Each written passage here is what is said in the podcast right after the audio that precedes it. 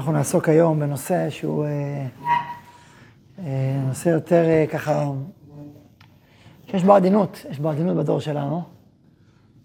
ו... שגם צריך להבין אותו טוב,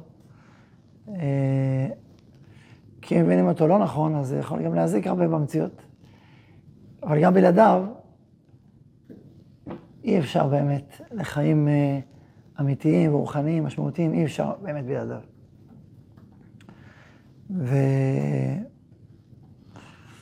אה, שזה נושא של קנאה, קנאות וקנאה.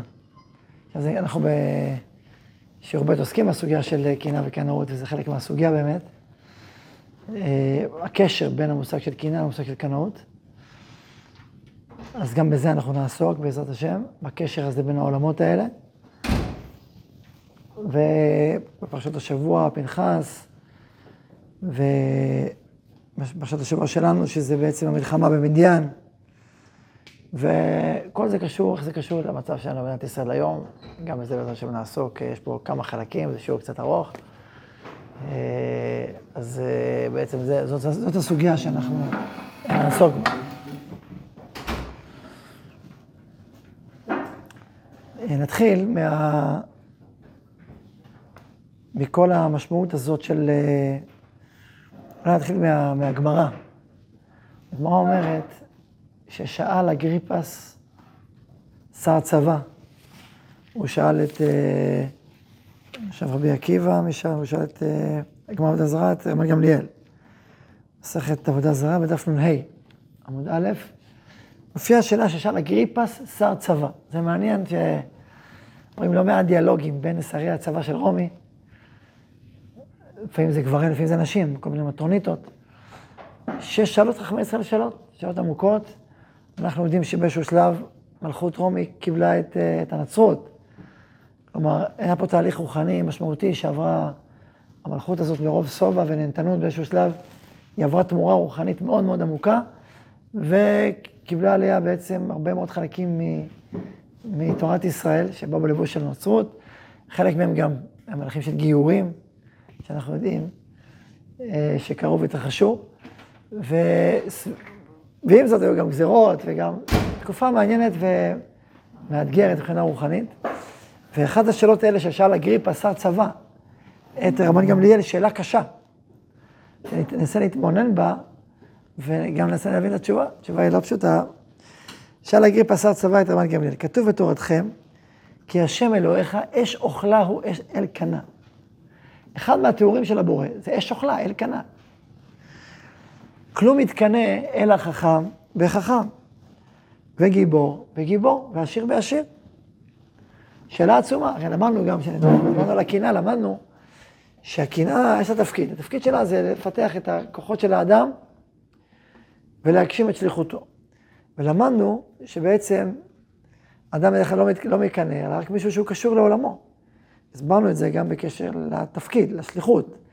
שאם יש לך את השליחות לשים מהכוח אל הפועל איזשהו תפקיד, אז אכן אתה מתקנא דווקא באדם אחר, שאכן מוציא את זה מהכוח אל הפועל. זה מעורר אותך לשאול את השאלה העמוקה עליך. אם זה נופל בצורה שלילית, אז אתה הופך להיות אויב של מי שאתה מקנא בו ורוצה ברעתו.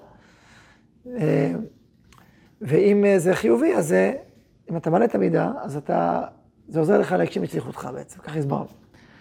על היסוד הזה שאין מתקנא גיבור בעבור חכם וחכם, שאל הגיר פסר צבא את רבן גמליאל. אחרי קנאה, זה אומר שיש איזה מגע, יש איזה כאילו... אז איך יכול להיות שקדוש ברוך הוא נקרא אל קנאה? זאת אומרת, הוא הבין קנאה מלשון קנאה. ואתה רואה, אש אוכלה, כל המלחמה הגדולה בעבודה זרה, היא לא מובנת. על מה אתה נלחם? יש בעל הבית על העולם. יש אמונה במציאות. בסדר, אז יש עבודה זרה, שטויות. למשל שבהודו, יש המון, אה, המון אפשרויות, הכל בסדר, סובלנות. זה נקרא בשפה מודרנית פולותאיזם, זאת אומרת ריבוי אלים. יש הרבה אפשרויות, אפשרות אחת, אפשרות שנייה, שלישית, רביעית, חמישית. למה אתה קנאי? למה אתה לא סבלני? לכאורה, חוסר סבלנות מעיד על איזושהי חולשה. שאתה בוודאות ובשלמות, מה אכפת לך שיש עוד, סך הכל הנעים לפנינו. יש הרבה אפשרויות, בסדר, שטויות, זה לא, זה, לא, זה לא חשוב, זה לא רציני. מה פתאום להתייחס ברצינות לעבודה זרה? לקדש עליה מלחמה, מלחמת חורמה, להיאבק מאבקים עצומים, שאנחנו רואים בתנ"ך, דברים מאוד מאוד חריפים, במלחמה הזאת. זה כל התנ"ך, וזה לא מובן, מה העניין? למה זה כזה חשוב? מה אכפת לו? שטויות. מה, זה, זה מפריע לו שיש עוד... מתקנא גיבור בגיבור, עכשיו בכלל אין שום יחס, בכלל, בין בורא עולם לבין כל מיני אלילים ושטויות ואמונות זרות, זה בכלל לא חשוב. נכון, זו שאלה קשה, זו לא שאלה פשוטה. זה מפתיע אותנו להגיד השם אלקנה. זה לא מובן לנו מאליו, נכון? שאלה עצומה. עונה לו רבן גמליאל תשובה בעיניי יותר מפתיעה מהשאלה. יותר מפתיעה. מה עונה לו? תקראו מה שעונה רבן גמליאל.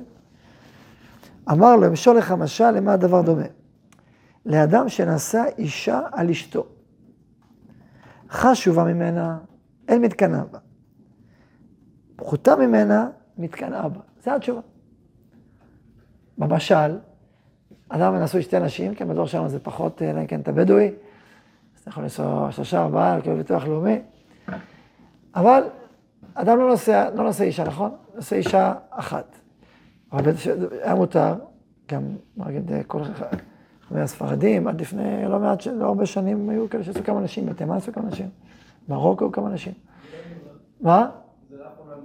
נכון, אף פעם לא מומלץ, וראיתי פעם מאמר יפה שגם בתנ"ך, שנראה כאילו זה, זה, זה כאילו, הוא אומר לא, אתה רואה שזה לא, בכלל לא, זה, זה מאוד, זה ייחודי, זה לא כזה פשוט.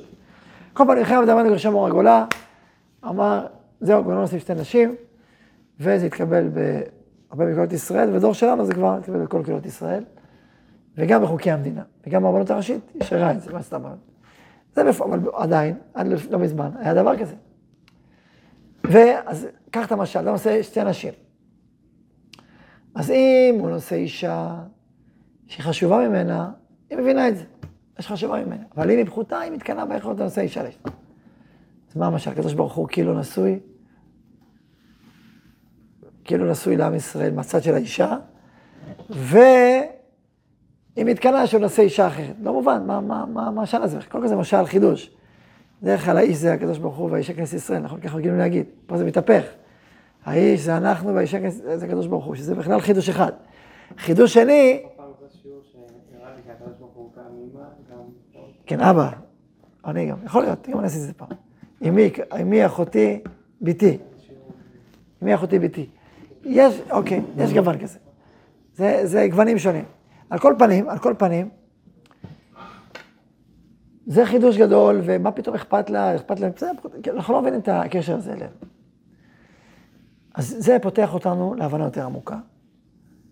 משל זה זוגיות. האם, מה קורה בזוגיות? בין איש לבין אישה? מה פתאום חותם ממנה מתקנא בה? ודאי הפוך, יש קינה. אנחנו יודעים, ועבר עליו רוח קינה, אם אדם, ודאי בצורה שלילית, בצורה של עבירה, אם אדם, אה, אה, אישה של אדם הולכת וסוטה או יוצרת ומנאפת, יש רוח קינה, וקינא את אשתו. מה? נכון, אם היא נסתרת, חשד ניאוף, אז אמר עליו רוח הקינה. יש מחלוקת בגמרא, איזה רוח טהרה, רוח טומאה, הגמרא בסוטה בהתחלה. על כל פנים, יש ודאי שאומרים איזה רוח טהרה. ואנחנו רואים בכל התנ"ך, שקדוש ברוך הוא גם בצד של האיש, שמקנא לנו, בצורה מאוד ברורה, מאוד חריפה אפילו בתנ"ך. אז אתה רואה את המושג הזה קנאות, ועם פנחס אנחנו רואים את זה באופן מאוד מובהק. כי אצל פנחס, יש, uh, עם ישראל הולך וחוטא עם בעל פאור, אז יש פה גם זאת הטור של עם ישראל לבנות וגם בעל פאור. אתה רואה שיש מגיפה עצומה, פנחס מקנא את קנאתי בתוכם, הוא בעצם שליח של הקנאות האלוהית, ולא עושה את המגפה. אז כל זה אומר דורשני, אז מה הפירוש? מה עושה הקנאה הזו בין איש לבין אשתו, הקנאות הזאת, ואיך זה מתכתב עם העולמות של הקנאה, מה טוב בזה, מה רע בזה, מה המשמעות של כל זה? זאת השאלה שבעצם אנחנו נדרשים אליה בשיעור הזה. אומרים חז"ל, פנחס בן עזר בן אהרון הכהן, היו השבטים מבזים אותו ואומרים, מה זה האדם הזה, הרג נשיא שבט מישראל? הוא בעצם נכד של יתרו. מה רצו להגיד? ראיתם בן פותיאל?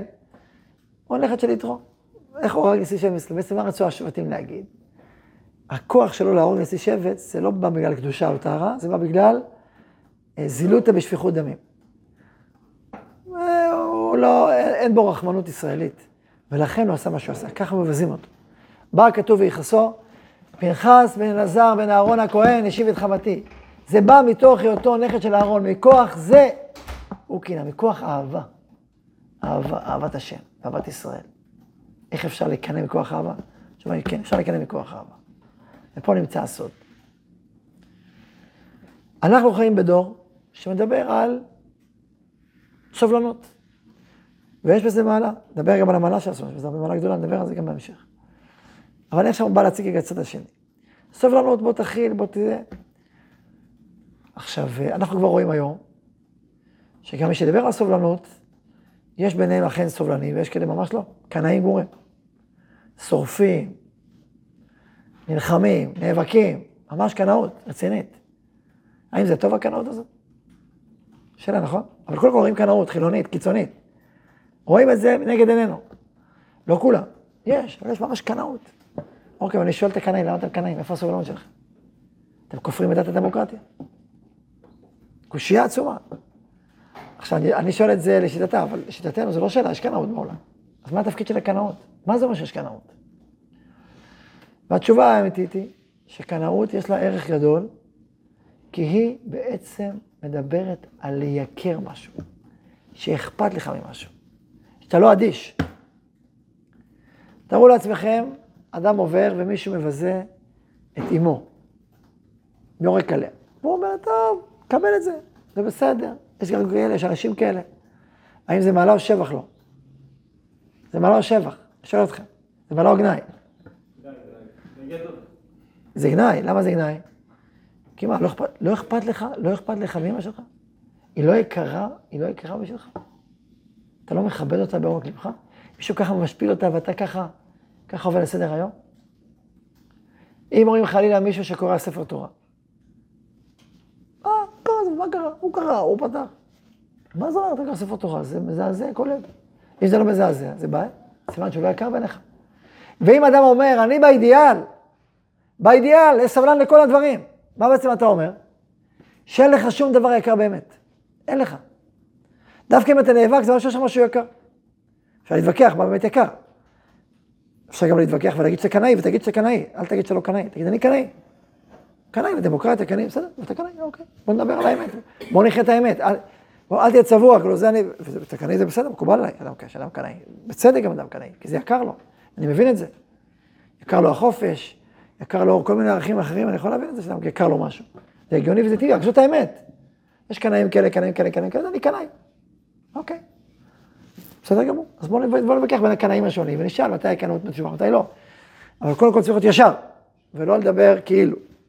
זה אני אומר, הערת אגב, ואני סוגר את הערת אגב הזאת, כי אני באמת חושב, ואני, ואני חושב שהתורה מכוונת אותנו לזה שלקנאות יש משמעות.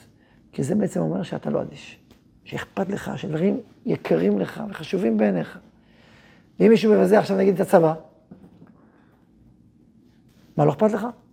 לא כן אכפת לך. מישהו מבזה את עם ישראל. אם אתה עובר על סדר היום, סימן שעם לא יקר לך. לא חשוב בעיניך, זה כל הסיפור. הקנאות מבטאת חשיבות, משמעות, כי זה יקר לך. ואם אנחנו מדברים על קנאה וקנאות, קנאה, התפקיד שלה של קנאה זה אה, להיות השומרת שתוציא לאור את הכוח שלך. הקנאות היא שזה יקר בעיניך, שמשהו יקר בעיניך. להיות קנאי למשהו, היינו, שאכפת לך מדבר, שאתה אוהב משהו, שהוא, שהוא אתה רגיש אליו. זה נקרא קנאות. אם ילד בא להוריו, והוא אומר להם, פגעו בי, והם רק אומרים, זה הכל נחמד, זה, זה תח... משהו, משהו, משהו תוסס, זה לא נח. מה, לא אכפת לך שפגעו בי? אבל אולי אתה, קודם כל, וואו, נורא כואב לנו, איך יכול להיות דבר כזה? חייבים לפתור את זה, בוא נראה, בוא נדבר. עכשיו, נגיד ככה, נגיד ככה, נגיד ככה. אבל כאילו, יקר לך, זה יקר לך. שזה נכון שילדים זה יותר מורכב, כי בקלות זה יכול לעבור בצורה לא נכונה, וכשלא נכון. אבל עדיין יש את האמירה הזאת, זה כואב לי, מה זאת אומרת? חייב לראות מה, מה קרה פה. ואז צריך אדם להגיב מתוך אכפתיות. מתוך אה, שיקר לי הדבר הזה, כואב לי הדבר הזה. עכשיו, מצד שני יש גם צדק, וחשוב לי הצדק, אוקיי, בוא נראה מה עושים ואיך עושים. אבל קודם כל זה יקר לי, קודם כל זה חשוב לי, קודם כל זה כואב לי. כן. מה מה- זה שנאה? שנאה? לא עסקנו בשאלה הזאת בכלל, עכשיו, בכלל לא, עוד לא, אני יכול להגיד רק במשפט, עסקנו בזה. שנאה היא מגינה, היא סוג של הגנה, שלא ייפגע היקר לך. יש לך גם משהו יקר, עצם היקר.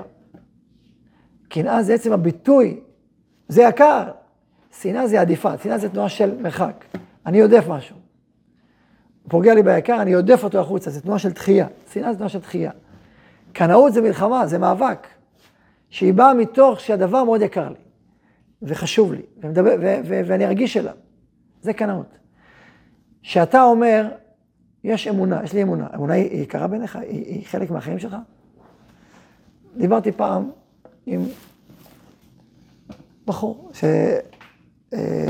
שלמד בישיבה והתרחק. אבל היה מלא כעס. היה באיזו ישיבה, התרחק ממנה, היה מלא כעס. מלא התנגדות. לאמונה, לתורה זה, היה, היה קופליקט. ואז הוא אמר, כשדיבר איתי, אמר איזה ביטוי שלילי כלפי הקדוש ברוך הוא. לי, לי זה הכאיב.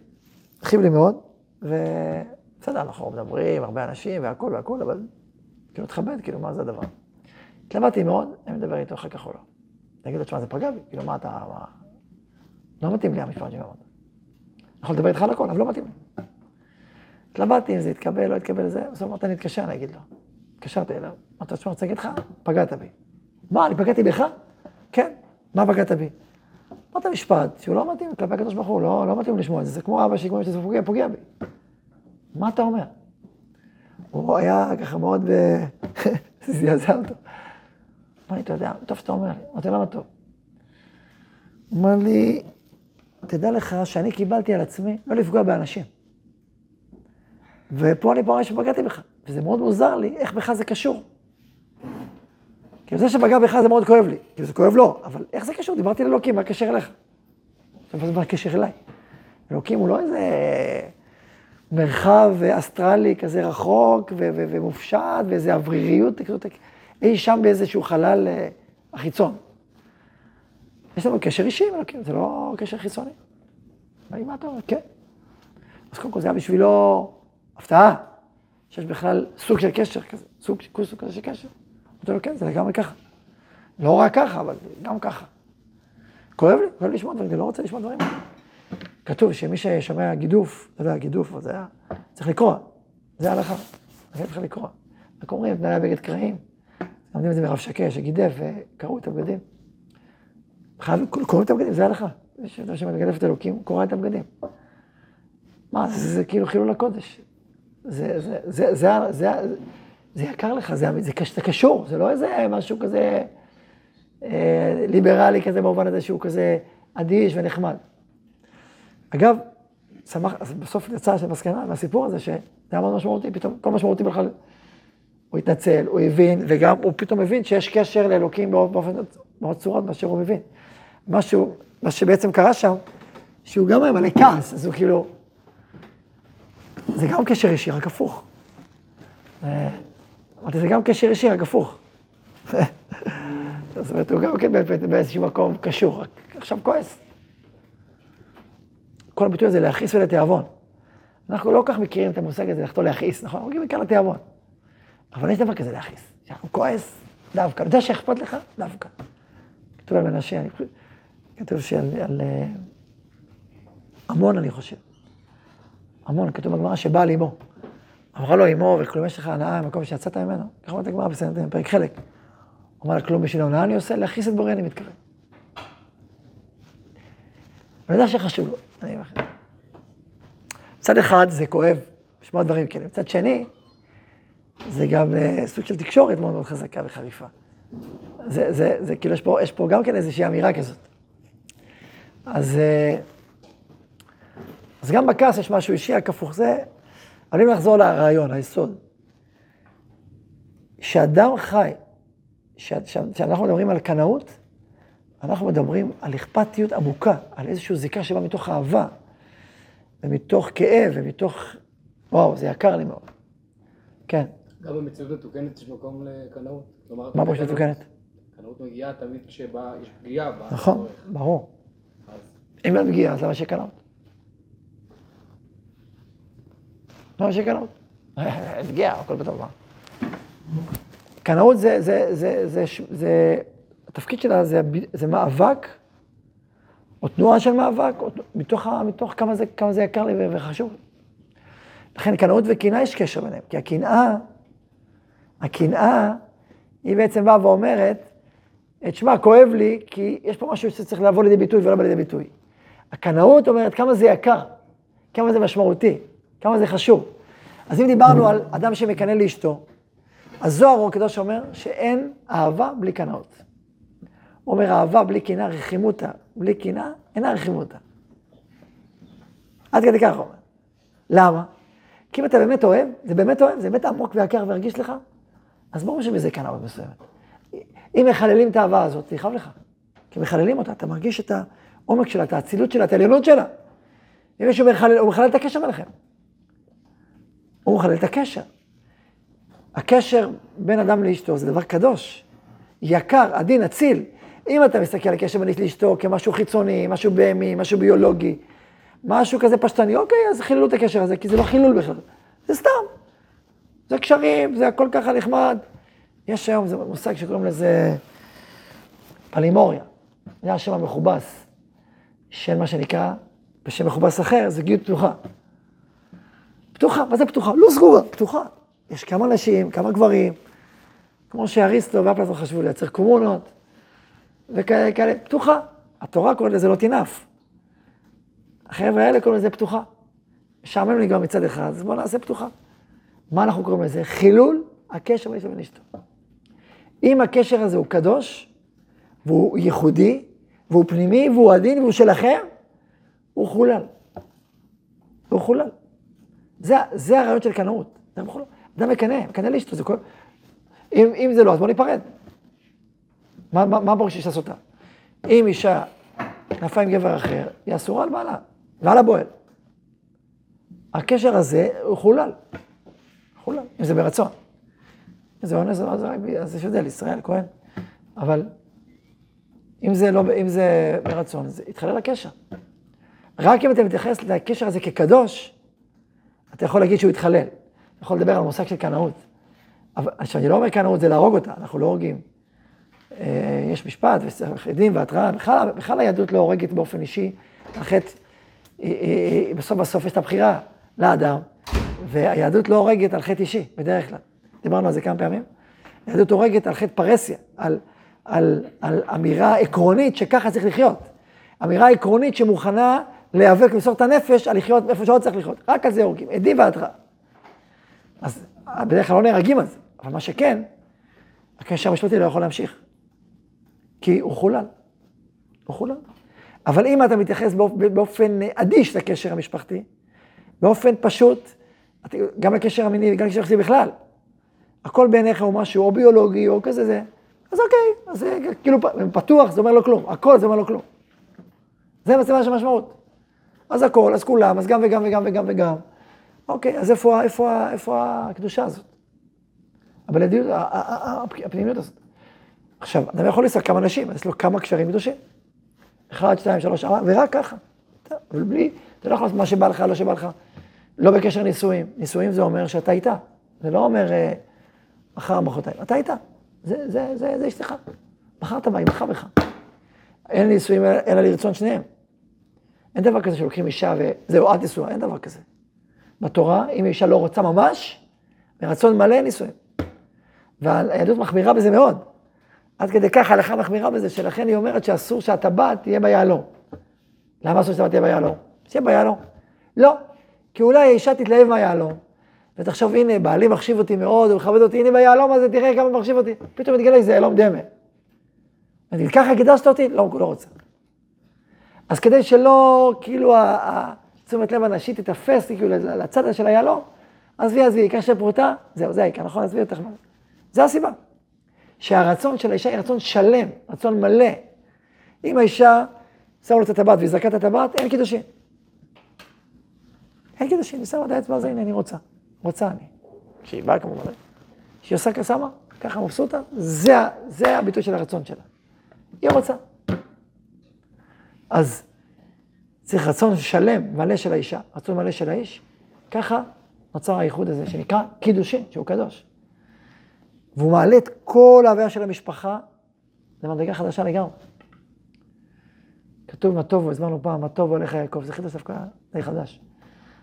מה טוב הולך יעקב משכנתך ישראל, נכון? אז הסברנו שהרמב"ם אומר, תפוחי זהב ומשכיות כסף. הפסוק אומר משלי, תפוחי זהב. הסברתי את זה, אמרתי את זה כבר? תפוחי זהב, משכיות כסף, דבר דבור על אופניו. תפוחי זהב, לא אמרתי את זה למישהו באופן אישי. למי? אה, לנהג, אה, לכן, תפוחי זהב ומשכיות כסף, דבר דבור על אופניו. אז הרמב"ם מסביר מאוד יפה שתפוחי זהב זה, זה תפוח מזהב, שעטוי רשת מכסף, צפופה.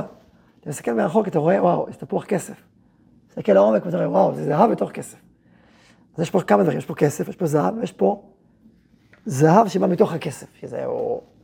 זה נקרא דבר דבור על אופניו. אתה רואה בתורה, אתה מסתכל על הפסוק, וואו, פסוק מדהים. איזה יופי, איזה אמירה. מסתכל לעומק, וואו, עוד יותר מדהים.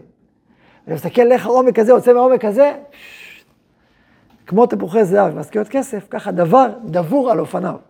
הדבר מדבר את, את תוכנו הפנימי כמו על אופניו, כמו על אופנים, כאילו זה בתנועה. כמו שאופנים זה סוג של נסיעה. זה הולך ומתקדם, וזה גם פה, מכסף לזהב. את החלק האחרון, לא יודע אם הרמב"ם מביא את האופניו, אנחנו מסבירים, צריך להסתכל בדיוק, אבל זה דבר דבור על אופניו. הולך ומתקדם. אז דוגמה לזה, מה טוב הולך יעקב, משכנותיך ישראל. אדם מסתכל על אוהל, מה טוב הולך יעקב, אה, איזה אוהל מדהים, מלא טוב, מלא חסד, מלא רצון טוב, כמה זה יפה, כמה טוב יש שם. מה טוב הולך יעקב, הולך, טוב הוא יעקב. הוא רוצה להתבונן בפלא הזה של היופי ושל הטוב שנמצא בתוך ישראל, הכנסת האורחים. מה הוא רואה? שזה קשור למשהו מאוד נשגב, למעלה שעת שכינה. משכנותיך ישראל. בתוך האוהל, התפוחי, הכסף, מה יש? זהב, השעת שכינה. משכנותיך, בתוך יעקב יש ישראל. זאת אומרת, אתה רוצה להבין מה מקור היופי של הטוב של ישראל, אתה רואה משכנותיך. אתה רואה כמה השראה יש שם, כמה עומק, כמה גודל, כמה יופי, כמה קדושה יש שם. אז זה בית יהודי. בית יהודי, יש בו המון ערכים ויופי וחום ושמחה, ועומק יותר קדושה והשראה. הוא לוקח את כל המשפחה ומעלה אותה. הוא הופך למשהו נשגב ועליון וקדוש. ובין האם הוא מתחלל, אז הוא מתחלל, יש קנאות. קנאות לאהבה, קנאות לקדושה שבאהבה, לקדושה שבקשר הזה, זה הקנאות, זה המושג קנאות. הבעל מוכן לעבור סדר היום, או האישה מוכן לעבור סדר היום. אי אפשר לעבור סדר היום. זה לא כזה פשוט, כך, כן, כאילו. זה לא, זה לא היה מספיק יקר בעיניך? זה לא נקדש בעיניך? זה המשמעות של קנאות בזוגיות. אבל אמרו הקנאה וקנא את אשתו. וכמו שבזוגיות, ככה, בינינו לבין בורא עולם. הקשר הזה בין כנסת ישראל לקדוש ברוך הוא, בין עם ישראל לאלוהיו, זה לא קשר אה, פילוסופי, שכלתני בעלמא. הוא גם. הוא הרבה יותר עמוק מזה, זה קשר חי. זה קשר של אהבה, זה קשר פנימי, זה קשר שמעלה את החיים. לש... זה קשר אמיתי, זה קשר אמונה, זאת אמונה באמת. לא רק השכלה בעלמא, השכלה היא חשובה, אבל זה לא החיים שלך. קשר של חיים, באמת, זה הקשר. וככה הקדוש ברוך הוא מתגלה לנו. הקדוש ברוך הוא מעבר להשגה האנושית. אנחנו לא יכולים להבין אותו, לא ברמה הרגשית, לא ברמה פילוסופית, הוא מעבר להשגה.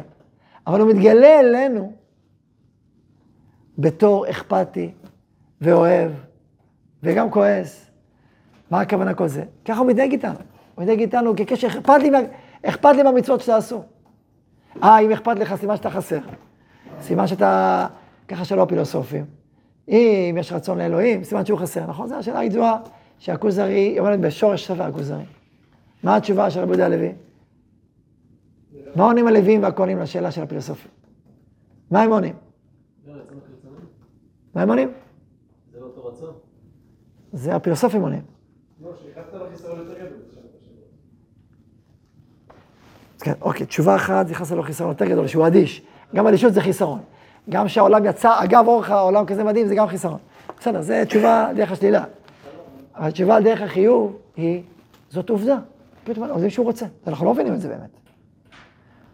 אבל הוא רוצה, הוא דיבר איתנו. הוא אמר לנו, אני רוצה. וואלה, לא מבין איך זה, אבל קודם כל זה ככה, זאת עובדה. הוא רוצה, אכפת לו. וזה מדהים שאכפת לו, והוא רוצה. אני לא משיג את זה. לא משיג את זה, אבל זאת עובדה. אני גם לא מבין אותו בכלל. אתה מבין אותו? אני לא מבין גם את המושג רצון וגם את המושג לא רצון. לא איזה ולא איזה אני מבין. אותו אני בכלל לא מבין. אני רק יודע שהוא רוצה, וזה מה שהוא אמר לי. זהו. מה שאני קולט, אני קולט. הוא רוצה. אני מבין את זה, לא מבין את זה, בכלל לא מבין אותו. אני בכלל לא שאלות, אני לא מבין כלום. אני לא מבין את המהות של אלוהים. אז כל היומרה להבין את אלוהים, זה שם הבעיה הנמצאת. אני פשוט רואה שזה מאוד חשוב לו. אני לא מבין למה זה, ככה זה. הוא רוצה שיחד איתו נבנה את העולם. ככה הוא בחר. הוא רוצה לחלוק את מטובה לבריאותיו. בסדר, ככה, ככה אני קולט את זה, בסדר. הוא מעבר להשגה שלו. ואני רואה שהוא מאוד, מאוד אכפת לו. בסדר, אוקיי. ואם זה משמח אותי, כן. כי זה יוצר קשר אינטימי בינו לבינו. ממש קשר חי. שמישהו מעבר להשגה, מי שברא עולם, והכל מעבר שהוא מספר לנו שאכפת לו הקשר איתנו.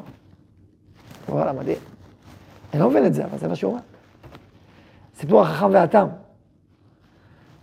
של רבי נחמן, סיפורי מעשיות.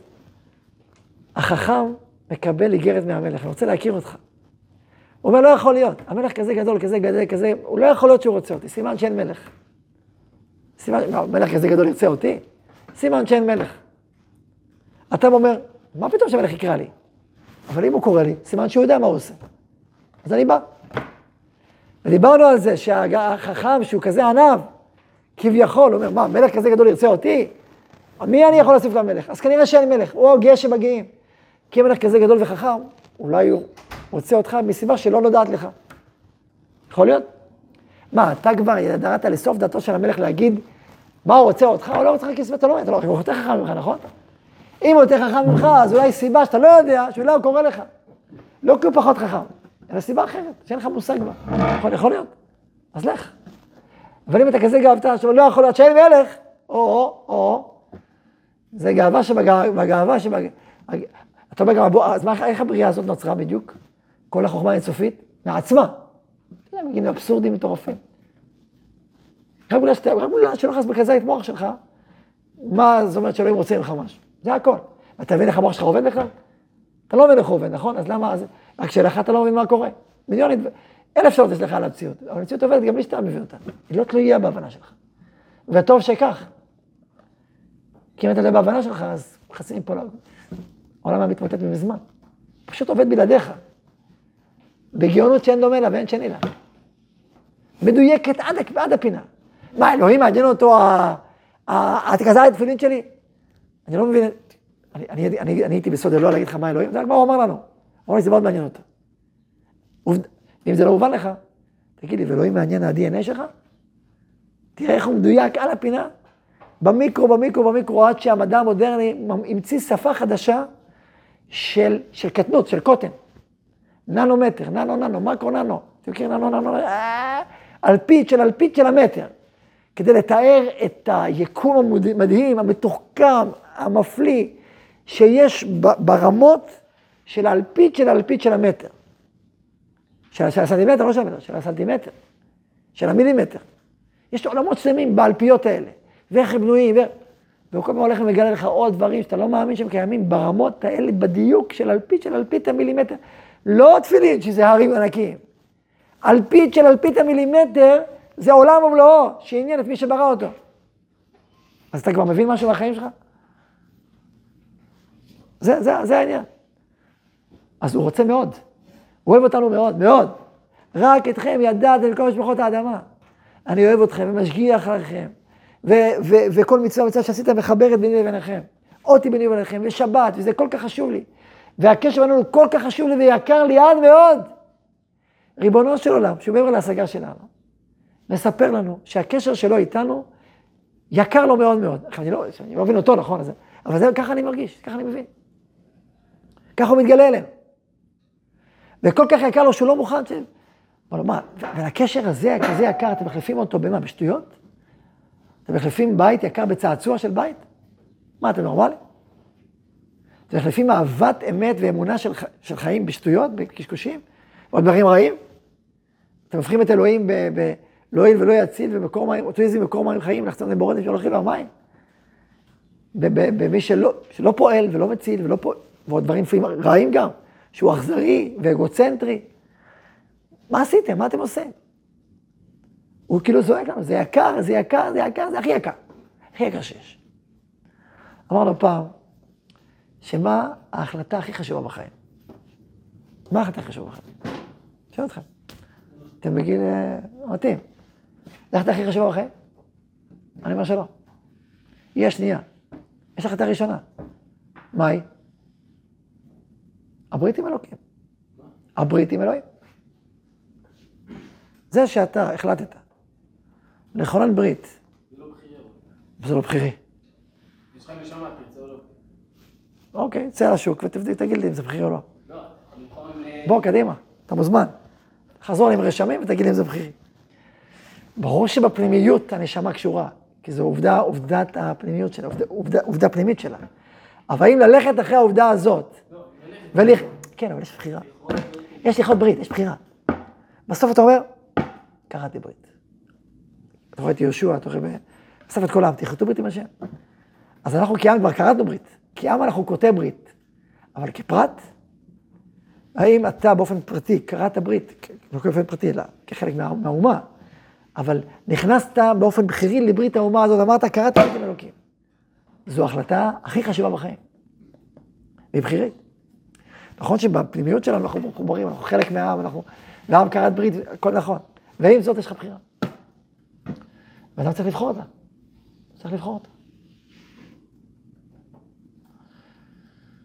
תגידו לי, אבל זה מפחיד מה שאתה אומר, כי מה צריך לבחור? תן לי, תן לי לחיות, לא, אני כבר נוסע כבר בתוך העניינים, אל ת- אל תחשוב, תאתגר אותי בבחירות יותר מדי קשה.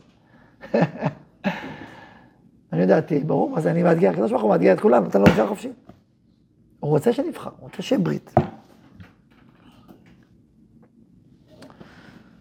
לפני שנים, דיבר איתי איזה בחור, צדיק משיעור ג', לא של עכשיו, שנים אחורה. אמר לי, הרב, יש לי בעיה קשה. אמרתי לו, מה הבעיה? אמר לי, אני לא רוצה כלום. לא רוצה כלום, אני קם בבוקר, לא רוצה כלום. לא רוצה, ל- לא, לא, פשוט לא רוצה. אמרתי לו, אתה לא רוצה כלום? לא. ואז התחלנו לעבור תהליך, תהליך, תהליך. מה גילינו? אתם זוכרים את הסיפור הזה? מי שזוכר זה בשבילו, כבר אמרתי. מה גילינו בסוף? שהוא מאוד מאוד רוצה עצמאות. הוא רוצה לבחור. הוא רוצה שהרצון שלו יופיע. עכשיו, מכיוון שהוא פחד מזה, אז הוא דיכא את הרצון. הוא פחד שהרצון שלו יופיע, אבל הוא צריך לבחור. וואו, קודם כל זה מותר? מותר לי לבחור? אמר לי, כבוד הרב, שהרב יבין טוב טוב, לבחור זה לבחור. תבין מה אני מתכוון, לבחור. זה ברור שאני מבין. לא, הרב שיבין, לבחור זה לבחור, אני, אני עכשיו מתחיל לבחור. לבחור, אני עכשיו גדלתי, זה זה, אני עכשיו שיעור ג', אני אבחר הכל, אני אבחר. אמרתי לו, תבחר. לא, זה כאילו, רק רציתי לומר, הוא נורא רצה לבחור, זה הוא מאוד מאוד רצה. אז הוא את הרצון, זה מה שיצא. אז הוא אמר לי, טוב, מה עכשיו? אמרתי לו, תבחר.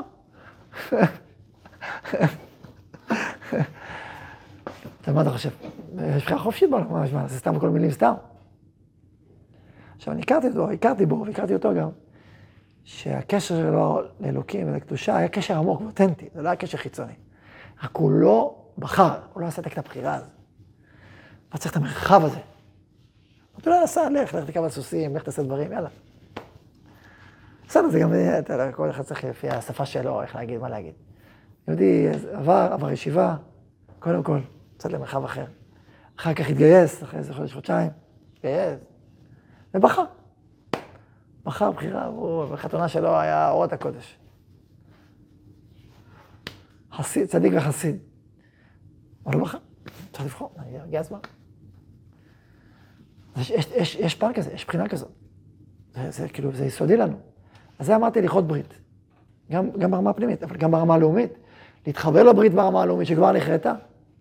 אבל אנחנו רוצים, והוא רוצה, וזה יקר, וזה פנימי, וזה משמעותי.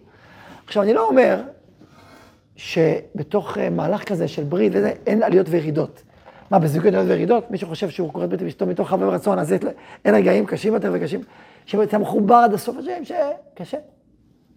שיש מתח, שיש קושי, שיש דברים שיש חולשה, שיש הרהורים, הרהורים. יש, זה חלק מהסיפור, זה לא משהו שהוא, שהוא, שהוא חוץ ברית. זה נכון שככל שהברית חזקה ופנימית, אז זה פחות נהיה משמעותי. ככל שהברית היא שברירית יותר והיא ראשונית יותר, אתה עוד לא בטוח, אבל ככל שהברית הנישואים מתעמקת ומתחזקת ומתפתחת, אז זה ברור, נהיה ברור, נהיה ברור. אה, אבל אה, יכול להיות שבאיזה אירוע מסוים פתאום כסף לך איזה ערעור. יכול להיות, בסדר, אוקיי. אה, ערעור. נמשיך, נתקדם. בסדר. הלאה. לא, אבל היה, בסדר, יאללה. זה לא עוד, עוד לא בא ליד הסוף, בסדר. אומר לו הקדוש ברוך הוא לפנחס, פה אצלנו, למשה, פרשת מטות. נקום נקמת בני ישראל מאת המדיינים למשה, אמר למשה, אחת תאסף אל עמך. כך אומר הקדוש ברוך הוא למשה. פנחס הוא בפועל, יסיים את זה. אבל.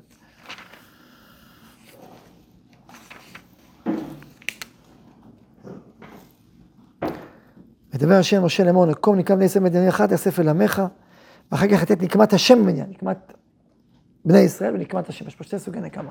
נקמה? נקום נקמה, מה זה נקום נקמה? אז יש פסוק בספר דברים שמדבר על המושג חרב נוקמת נקם ברית. חרב, מה זה נקם ברית? יש ברית. זה, מה החרב עושה? המ- המ- המושג נקמה, יש בו בפנים את המילה קימה. לנקום זה לקום, זה להקים מחדש משהו שנפל. גם בעולם הכי פשוט נקמה. מישהו חטף מכה, נכון? כשאתה חוטף מכה, נגיד צדיק חוטף מכה מרשע, בואו נעשה את זה ברור, צדיק ורשע, בסדר? צדיק חוטף מכה מרשע, וכשהוא מחזיר לו, קורים שתי דברים. קודם כל, כשהוא חוטף מכה, קורים שתי דברים. א', הוא חטף מכה, שתיים, הוא הושפל. כשהוא מחזיר, קורים שתי דברים. א', ב', הוא קם. לכן בנקמה יש מושג של לקום.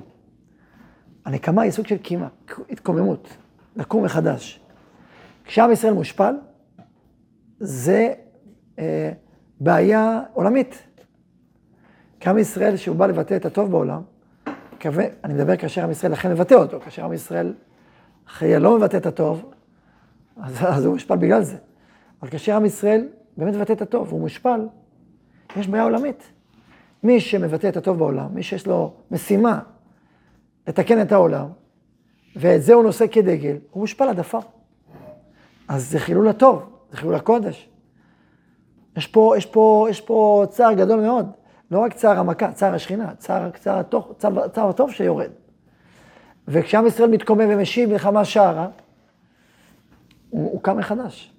הטוב קם מחדש, ולכן זה דבר קדוש. נקום לקראת בני ישראל, תקים את זה, וגם נקמת השם. תקים את זה מחדש. נקם ברית, מה זה נקם נקם ברית? היא מקימה את הברית מחדש. הברית שנפלה עכשיו קמה. לכן יש אחר מקימה את זה. היא לא, היא לא, לא מסכימה לחילול הברית. והיא יוצרת ומקימה מחדש את הברית. זה המשמעות של החרב, זה התפקיד שלה, זה השליחות שלה. קנאה וקנאות זה אותו דבר? זה לא אותו דבר. הסברנו מקודם, שקנאה היא, היא, הקנאות זה לייקר את הדבר. הקנאה היא להופיע אותו. התפקיד של הקנאה להופיע אותו, התפקיד של הקנאות להייקר. אני אומר נקמה וקנאות. מה? אה, נקמה, שמעתי קנאה. הנקמה היא תולדה של הקנאות. היא תולדה שלה. היה פה אותם בנות מדיין, הם נלחמו בישראל, פגעו בקשר בין עם ישראל, בין כנסת ישראל לדודה, חיללו את הקשר הזה, הם פיתו בכוונה תחילה. זה לא איזה, איזה תאווה שהתגברה פה, היה פה אה, תכנון אסטרטגי, ציני, ניצול ציני של האהבה של עם ישראל וחיבור שלו, כדי לפגוע בו ישירות, כדי לפגוע בקשר בין ישראל לאלוק, לאלוקיו, כדי שהאנשים האלה ימותו. זה מה שקרה. אתם, אתם המדיינים האלה, אתם המדייניות האלה, אתם חיללתם את הקשר הזה ביודעין, במזיד, כדי לפגוע בעם ישראל. מה? יש ציווי על השנאה הכי גדולה שיש. צרור את המדיינים. אני הכי גדולה שיש, עכשיו צרור את המדיינים. אני לא יודע, אתה יש עמלק, למה זה הכי? כן. איך זה- איך הפירוש של כאילו שקנאה זה נקמה או לייקר משהו? הנקמה היא תולדה של קנאה. כן, איך זה- נכנס בפשט כאילו של קנאה, שאני מקנא במישהו שיש לו יותר כסף. אני אמרתי שקנאה וקנאות זה לא אותו דבר, אלא הם שכנים, אחים, יש קשר ביניהם. יש קשר בין א' לב', זה לא אומר שא' זה ב'. יש קשר בין א' לב', אבל א' זה א', ב' זה ב', כן? יש קשר, לא סתם זה אותם מילים, אותם אותיות, אותם מילים, יש קשר הדוק. עדיין א', א' זה ב' זה ב'. הקנאה היא מעוררת את, התפ... את, את מה שאתה צריך להוציא לפועל. הקנאות היא מייקרת את זה. זה יקר לי, זה חשוב לי, זה משמעותי. כן, יש, כמה זה משמעותי? ויש עצם הדבר. כן, התפקיד של הקנאה, הכאב של הקנאה, לא רוצה לצבי לאור. איפה אתה? איפה מה שצריך לצאת לאור? לא יצא. קנאה. התפקיד של הקנאות זה להגיד כמה זה יקר וחשוב ואסור לעבור על זה לסדר היום. ואז הנקמה מוציאה את זה בפועל. ואז הנקמה היא ביטוי. ביטוי של זה. כאילו של הקנאות. אומרת משהו חולל והנקמה מבטאת את זה. כן. ומקימה את זה מחדש. עכשיו, כשנוקמים בפועל, נוקמים בפועל, אבל שנניח אין מרחב של נקימה בפועל, נניח פעולות הגבול, שצה"ל עושה, ממלכתי, או אתה הכית, מה זה צריך להיות? עם ישראל נכנס חזר. עכשיו, יש בזה גם אפקט הרתעתי כמובן, שפעם הבאה לא ימשיכו להכות בישראל. יש בזה גם אמירה, אתם פגעתם בישראל, השפלתם אותו, פגעתם ב, באמירה הפנימית הישראלית, הכאבתם לו סתם, מתוך אתם רוצים לאבד את האומה הזאת. הנקמה היא בעצם אומרת, אנחנו מקימים מחדש את אותו כוח הזה, משיבים מלחמה שעה, כמובן בתוך זה יש גם הרתעה לעתיד, וגם אמירה חד משמעית, הכוח הישראלי יש מלחמה שערה, הוא לא, הוא לא, הוא לא הושפל, ולא, ולא תחבלו בו ותהרגו בו ותרצחו בו וזה, וכאילו לא קרה כלום. כאילו דם זה מים. כאילו דם ישראל נשפך כמים והכל בסדר, הכל בסדר, ככה אנטישמיות, זורקים אותך, או דורכים עליך, תקום, תנער את הבגדים ותעשה כאילו לא קרה כלום. לא קרה כלום, לא קרה כלום. לא השפלת אנשים וצדיקים ויהודים וישראל, ואתה עובר לסדר היום ולא כואב לך? אתה לא יודע מה זה ישראל? סתם אדם אגב, לא רק, קודם כל לא, לא רק ישראל, סתם אדם. שמשפילים אותו ודורכים ודורכים וממשיכים הלאה, זה בעיה. מה, אין צלם אלוקי? מה, אדם לא צלם אלוקי? מה, אתה יכול לעבור על זה ככה לסדר היום? כי הוא לא קרה כלום? אדם הוא צלם אלוהים, איך משפילים אותו בעד עפר? זה כואב, וזה אסור לעבור על סדר היום. קנאות צריכה להתעורר. קנאות לאדם, צלם אלוהים של האדם. וישראל עוד יותר. לישראל יש, איחוד, לא סתם יש אומות. לישראל יש איחוד, הוא נושא בתוכו שליחות וגובה ומשימה עליונה מאוד ומזוככת מאוד, שעל זה נלחמים עליו, ועל זה מבזים אותו. וכאשר הוא נופל, מה זה, הוא עובר כבר לסדר היום, כאילו לא קרה כלום? כאילו המבזה, הרוצח, המשפיל, המכה, הכל תמשיך, הכל בסדר. מה בסדר? מה בסדר? אתה מקנא, אתה צועק, אתה מעורר, אתה דופק על השולחן. עכשיו, זה לא בסדר. בשום פנים ואופן לא ממשיך לסדר היום. קרה פה משהו שאסור לעבור עליו בשתיקה. זה תנועת הקנאות. התנועה שאני מתאר עכשיו היא תנועת הקנאות. זה לא יעבור לסדר היום. אפרופו הרפורמה, המאבקים זה קנאות. קלאסית לגמרי. זה גם קנאות, זה גם כאילו דאגה אישית, אבל יש בזה הרבה חלקים. גם פחד, גם... אבל נגיד האידיאולוגים זה קנאות. קנאות לערכים של הדמוקרטיה, וקנאות זו תכונה ישראלית גם. יש פה אמונה, בערך, ואתה מקנא לו, אוקיי? יש עוד ערכים אבל, זה לא הערך היחידי בעולם, יש לנו מקור הערכים. אוקיי, אז יש... עכשיו, עכשיו שאלה. קודם כל אני מקווה שזה מובן, כלומר, קנאות משובחת באה מתוך חיבור עמוק ואהבה גדולה. קנאות צרה, מסביר הרב במלחמת הדעות והאמונות, קנאות צרה היא באה ממקום פרטי ואגואיסטי. אדם מאמין במשהו ספציפי, אז כל השאר כאפס. זה קנאות צרה, זה פנאטיות. מה זה פנאטיות? אדם למשל מאמין שחשוב אה, חקלאות, בסדר? הערך חקלאות חשוב לו, ואז הוא אומר, אני, חקלאות זה הכי יקר בעולם. כל השאר, שטויות. הבלים. תורה, הבלים. צבא, הבלים. כלכלה, הבלים. זה, אבל יש שטויות, הכל זה אפס. אני רק, זה נקרא פנאט. מה זה פנאט במובן השלילי? פנאט שלישי, אתה לוקח דבר אחד שיש בו ערך, אבל הוא צר, והוא חד-ממדי וחד כיווני, והוא לבדו מדריך אותו, ולא לבדו אתה קנאי. זה פנאט, פנאט. למה זה פנאט? זה שלילי, למה זה שלילי? בסדר, יש לך, הוא חשוב, יש עוד ערכים. יש עוד אנשים, יש עוד מרחבים. מה, רק זה וזהו, ותולה? רק, רק, ומה, וח... וביטחון זה לא חשוב, וכלכלה זה לא חשוב, רק חקלאות. מה, אדם לחברו זה לא חשוב? לכן, ככל שזה יותר כולל, אז זה קנות משובחת. וכך מסביר הרב קוק את ההבדל בין עבודה זרה הסבלנית, החלק מהסבלנית, לאמונת ישראל הקנאית. מסביר. אמונת ישראל, המהות שלה זה ההכללה. אלוהים שברא את הכל. וממנו נותן ערך לכל הערכים כולם. לכל ערך יש משמעות ויש תפקיד, בהשם הוא האלוהים. הוויה הוא האלוהים, היינו, הוא נותן, הוא ברא את הכל, ונותן ערך לכל. עכשיו, הוא מסדר את הערכים, ביותר, בפחות, איך שזה יש תורה.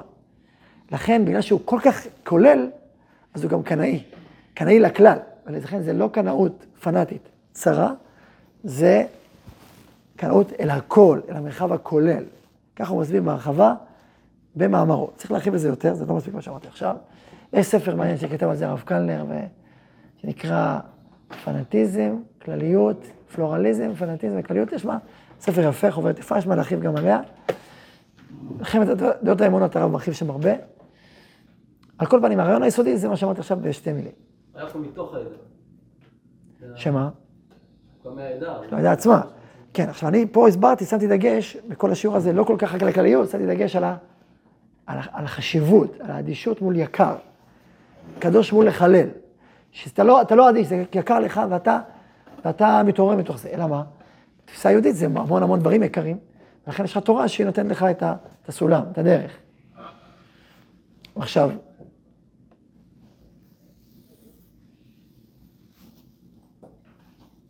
נעשה צעד, אז הסברנו, הסברנו את הפסוקים, הסברנו יסודות, גם פרשות שלנו, פרשות קודמות. קנו את קנאתי, זאת אומרת, הקדוש ברוך הוא מקנא, היינו שבא ואומר, יקר לי הקשר, אז אני לא מוכן לעבור לסדר היום. כן, הסברנו, זה כל זה הסברנו, נכון? לכן באה המגפה, ולכן מי שמקנא הוא בעצם שליח של אותה קנאה אלוהית. מי שמקנא זה אדם שכל כך אכפת לו מהקשר בין אלוהים לישראל, מאהבת ישראל ואהבת, כל כך אכפת לו שהוא מוכן למסור את נפשו על זה. זה כל כך, הוא כל כך אוהב. הוא כל כך אוהב, עד שהוא מוכן למסור את נפשו. זה פנחס. בקנו את קנאתי, הוא כל כך אוהב את אלוהים ואת ישראל, הוא כל כך מקנא לקשר הזה. הוא מבין כמה זה תיקון העולם נמצא שם, כמה תיקון ישראל נמצא שם, כמה, כמה אלוקים רוצה את זה, כמה זה חשוב ויקר, עד שהוא מוכן למסור את נפשו עבור זה, זה וקנו את קנאתי. אז הוא מרכבה למידת הקנאה משובחת. זה לא קנאות קטנה, זה לא קנאות צרה, זה אהבה עצומה, וזה כל כך יקר לו יותר מחייו. זה נכון גם לידיעה. כן, באופן כן, אבל זה להרחיב בזה, לא להרחיב בזה עכשיו. בואו נעשה צעד אחד, הצעד הרגיש. מדינת ישראל, צו שלנו כיום. כן. אתה יכול להכניס את ההסבר ברבן גמליאל, שאלה התשובה איך זה נכנס בדיוק. רבן גמליאל, השאלה שלו, כלומר, מקנא גיבור בגיבור, כאילו זה קנאות אלילית. יש בתחרות בין אלילים, והנה אחד שמתחרה עם כולם, אבל הוא מעל כולם, איך הוא מתחרה עם כולם? התפיסה האלילית, אלוקים זה כאילו עוד אל מחבר אלים, הכי חזק, הכי חשוב, אז למה הוא מתחרה עם כולם? זה השאלה. זה, זה השאלה. התשובה היא, זה בכלל לא במישור הזה. אלוקים הוא לא אחד מהרבה, הוא לא מקנא, הוא מעבר לכל. אז מה זה כתוב? זה לא, זה לא פשוטה, זה הקשר בינינו לבינו יקר. הוא מספר לנו שהקשר בינינו לבינו כל כך יקר, שאי אפשר להמיר אותו בפשטויות. כמו קשר בין איש לאישה. המשל הוא משל הנישואים. וההבנה שאם אתה הולך, אם אתה נוסע, אפילו לא מחלל את הנישואים, אלא אפילו הולך, אתה מאבד קשר כל כך קדוש ויקר בקשר זול ולא משמעותי. איך יכול להיות? כלומר, אלוקים מתגלה אלינו כאכפתי מהקשר בינו לבינו, ותבין כמה הוא יקר ונשגב. הוא בעצם אומר לנו, תבינו כמה הקשר איתי, כמה הקשר שלנו יקר ונשגב ופנימי וקדוש וטהור ועליון, ואיך אפשר להמיר אותו ולא יועיל. זו התשובה שלו. כמובן, צריך זה מכל ההסבר. אין אה, קנאה, יש קנאות. מה מה? להשם אין אה, קנאה, יש קנאות. נכון. זה לא קנאה, זה קנאות. זה קנאות במובן הפנימי, כמו שהסברנו. עכשיו,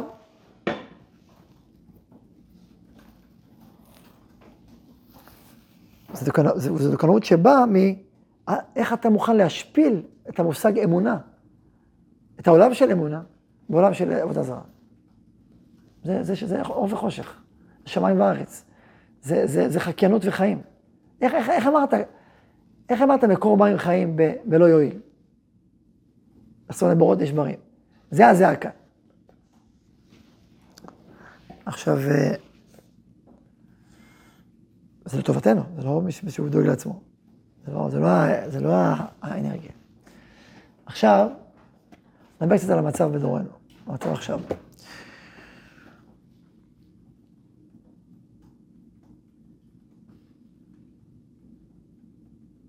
היום לתרגם קנאות, להרוג אחים, זה איסור חמור. איסור חמור, לא תרצח. יש בדין, יש דרכים, לתרגם את זה, זה איסור חמור, ולא רק איסור חמור, זו טעות עמוק. למה? כי אנחנו נמצאים במרחב של דור שעבר שואה, של דור שההשגחה האלוקית, עברנו גלות אלפיים שנה. לא רואים את ההשגחה בצורה כל כך גלויה ופשוטה ובהירה. אין לנו את מערכת הכוללת של האומה השלמה בארצה על כל סדריה, ש, שמישהו שפורץ הוא בעצם מחלל קודש ופרהסיה. זה לא האירוע שלנו. אנחנו אחרי גלות של אלפיים שנה, אחרי סבל עצום, אחרי שואה מטורפת, אחרי... אין לנו נבואה כל כך הרבה שנים. זה לא פשוט, אנחנו במצב לא פשוט, לא שלם, עם הרבה חסרונות, אנחנו לחזור לארצנו, זה דבר מדהים. אבל עם טשטוש של גבול מאוד, מאוד לא פשוטים. ולכן אי אפשר להכיל את המרחבים האלה. וכך מסביר החזון איש. עם הטעם הזה. וגם הרב הרצוג וגדולי ישראל. ולא רק זה, יותר מזה, וזה מסביר כבר הרב קוק ותלמידיו. אנחנו בדור שמבקש דרגה אחרת לגמרי של קשר. שבשל לקשר עם אלוהים הרבה יותר עמוק, הרבה יותר פנימי. שהקנאות תתורגם אצלו כאלימות, זה כותב החזון איש, אז תרחיק אותו מתורה, זה גם טעם שני. שהקנאות, הקנאות באה לחבר לתורה. כל מעשה בדין ועומדים ולא מעלים, זה בא בשביל לחבר לתורה. אבל אם זה ירחיק מהתורה, אז מה עשית? זאת המטרה, המטרה היא מתוך אהבה, מתוך חיבור, לא מתוך אלימות חיצונית ורודנות. זה לא הסיפור של בורא עולם, וזה לא הסיפור שלנו בכלל. אומרת, זה בחירה ורצון וקשר ואהבה. וממילא היום, לתרגם את זה ככה, לתרגם את זה הפוך לגמרי מכל הסיפור הזה של המשמעות של מורדים ולא מעלים. תשאלו, מה, אפשר לשנות הלכה? אוקיי, זה שאלות אחרות. זה לא הסוגיה שלנו. על כל פנים, שאלה טובה, כן? שזה לא, לא, זה לא הנושא. על כל פנים, זה הדיבור. לכן, אצלנו, כמו שאמרתי, אנחנו בדור שהפוך, שמתוך חופש וחיבור ואהבה צריך להתחבר אל התורה. אנחנו בעצמנו וכל התורה, זה, זה המציאות שאנחנו חיים בה, וזה חלק משיבת ציון. והרב קוק מסביר את זה לכתחילה, ככה בדור שלנו, כי לזה הדרגה החדשה שאנחנו קרואים. ואם תנהג בצורה הפוכה, מה תעשה? צריך את המטרה הפוכה. אה, אוקיי, הבנו. עכשיו שאלה. אז האם אין קנאות? היום צריכים להיות אה, פלורליזם בלי קנאות? מה, מה אתם אומרים אחרי השיעור? יש קנאות. כאילו אומרים קנאות. מה? ברור שיש, ברור שכן. חד משמעית, אחרת אתה לא אוהב, אחרת אתה לא בחרת, אחרת זה לא זה. אחרת אתה חי חיים דתיים חיצוניים, כאילו. זה לא החיים האמיתיים של הפנימיות שלך. אבל לא הגעת לאהבה באמת, אתה לא באמת מחובר. זה הכל חיצוני, הכל קוסמטי. זה דתיות מלאכותית, שבה מואסים. זה לא אמת החיים הפנימית שלך. זה לא יקר לך מפז. זה, אוקיי. ולכן, מה, אם ככה, אז מה המשמעות של זה? שכואב לך. כשאתה רואה שמתרחק מהיהדות, כואב לך. אתה רואה אדם מוריד את הכיפה, זה שובר לך את הלב. אתה לא אומר, אוקיי, הוריד את הכיפה, לא את הכיפה, תבחר, תבחר. אני בעד שיבחר, אבל זה מאוד מאוד חשוב לי, למה הוא יבחר. אבל תבחר. אלוקים נותן לך את הבחירה, אני אתן לך את הבחירה. אבל האם זה, האם אני אדיש למה שתבחר? ממש לא. מאוד אכפת לי, תבחר ככה תבחר ככה. מאוד יקר, אני מוכן להשקיע בזה המון, נכאב לי, נבכה על זה. אבל תבחר. כאילו הקנאות היום מתבטאת בכאב שלך? בכאב, בצער, באכפתיות העמוקה שלך. במוכנות שלך להתמסר בשביל זה. לך, לזולתך, לילדיך, לתלמידיך, לעם ישראל. שאכפת לך מהחינוך, שאכפת לך שכל כך הרבה אנשים שלא מחוברים. שאכפת לך שאנשים מבינים את התורה הפוך ממה שהיא. שזה כואב לך. שאתה מוכן להתמסר בשביל זה. זה קנאות. ואם מישהו מבזה, כואב לך מאוד, עד התהום. מישהו אומר משהו נגד תפילין, כואב לך. די. מה אתה אומר? איך אתה אומר דבר כזה? אתה מוכן להיאבק על זה. וגם המוכנות להיאבק על הפרסה הישראלית. להיאבק, בדרך, לא בדרכים של אלימות, חלילה, אבל להיאבק, כי זה יקר לך. ואם יש מאבק על הפרסה הציבורית במדינת ישראל, מה, היעלה על הדעת שרק הדמוקרטים יהיו קנאים? רק אנשי השוויון יהיו קנאים? מה, השתגענו? ברור שיש לך קנאות. ברור שאכפת לך איך מדינת ישראל תיראה, מה הנורמות הציבוריות צריכות להיות, ואתה נאבק על זה, וזה יקר לך וזה חשוב לך. אוקיי, רגע, בוא. שאלה הבאה, האם מה שאכפת לך ויקר לך, אתה תהרוג אנשים, חלילה וחס. האם לא אכפת, כי אכפת לך וקל לך שלמות האומה. אכפת לך ככה שגם הם יבחרו. אכפת וקל לך שעם ישראל יעלה לדרגה שלו. אתה לא רוצה שהוא ייקרע ושהוא ייחתך. ברור, מאוד אכפת לך. אז מה קורה? אתה כואב לך, אתה הרבה כאב יש לך. הרבה אהבה. הרבה רצון, הרבה עומק. ומצד אחד אתה לא מוכן לבוא לסדר היום, שישלטו במדינת ישראל בלי. בלי מנדט ובלי סמכות, כוחות שלוקחים את. את עם ישראל למקומות שלו, שלו לא, שבוגדים בברית שלו, שלא אכפת להם שיש נותנים אף במרחב, שלא אכפת להם שיש... זה כואב לך, מה זאת אומרת? מה פתאום שזה... מה זאת אומרת ש... שלא אכפת להם שנותנים אף בצבא? לנו אכפת? בטח שאכפת. הרב ציודה אמר פעם לאחד השרים שהתבטא, אמר, לא אכפת לי לנסוע בוויזה לגוש עציון. להסגיר את גוש עציון לערבים, לא אכפת לי. הוא אמר, הרב ציודה זה... לא אכפת לו, לי אכפת. לעם ישראל אכפת, לקדוש ברוך הוא אכפת, לתורה אכפת, מה זה לא אכפת לו? שאג, שאג, שאג. לא אכפת לו. מה לא אכפת מארץ ישראל? לא אכפת לך. מה זה לא אכפת? אז שאתה, בטח שאכפת. מה אכפת בפרס של המדינה? בטח שאכפת. ברצינות, בטח שאכפת. אבל אכפת לנו גם מהשלמות העם, מאוד אכפת לנו. מאוד כואב לנו שיש פילוג, שיש שנאה, מאוד כואב לנו. אז בגלל זה לא נעשה כלום? לא נעשה כלום? נעשה, בטח שנעשה, מה צריך לעשות? כמה שאפשר, כמה שנוכל. ניאבק באכפתיות, וכמה שאפשר, מה זה פה? ברור איך עם ישראל צריך לראות, עם קדוש, עם אלוהי, עם נצחי. בטח שאנחנו בכל הכוח. היי תגיד לי, אבל זה קורע את העם. לא רוצה לקרוא את העם, חלילה וחס, אבל יש ויכוח. יש ויכוח. מה, אז בכל ויכוח, אז מה, אתה תשלוט את הנצח, בוא, יהיו 10 אחוז, 2 אחוז, שיגידו, אה, זה קורה אז. מה, תעשה צחוק, מה, אנחנו ילדים קטנים? מה, אתה תנצל את האהבה שלנו לאומה והאכפת שלנו לאומה בשביל לשלוט לנצח? מה נראה לך? תאוות השליטה שלך, היא תוביל את המדינה? בשום פנים ואופן לא. גם אתה צריך לכבד את זולתך. לא אמרנו צריך לכבד את זולתך. אז צריך למצוא אמנה, צריך למצוא דרך שמכבדת באמת את כולם. ומובילה את עם ישראל כמה שאפשר, לפי כוחנו, לפי זה, אל העולם הפנימי שאנחנו מאמינים בו, ונאבקים עליו. אגב, זה הדמוקרטיה, רק שתדעו, שלכל קבוצה יש את הזכות להתאגד ולבחור ולהיאבק על עמדותיה. זה הדמוקרטיה. אבל אכפת לנו מכל העם, הרבה יותר ממה שאכפת לאנשים אחרים. נכון? למה בכלל אנחנו רוצים לקדם לישראל? אז לכן צריך למצוא את הדרך לנווט בכל המערכות האלה, וזה קשה. וזה לא פשוט, וזה לא קל לנו. וכואב לנו, אנחנו עושים, רואים את כל המערכת. אבל לבחור צד אחד בלבד, זה החיים הקלים, והלא נכונים.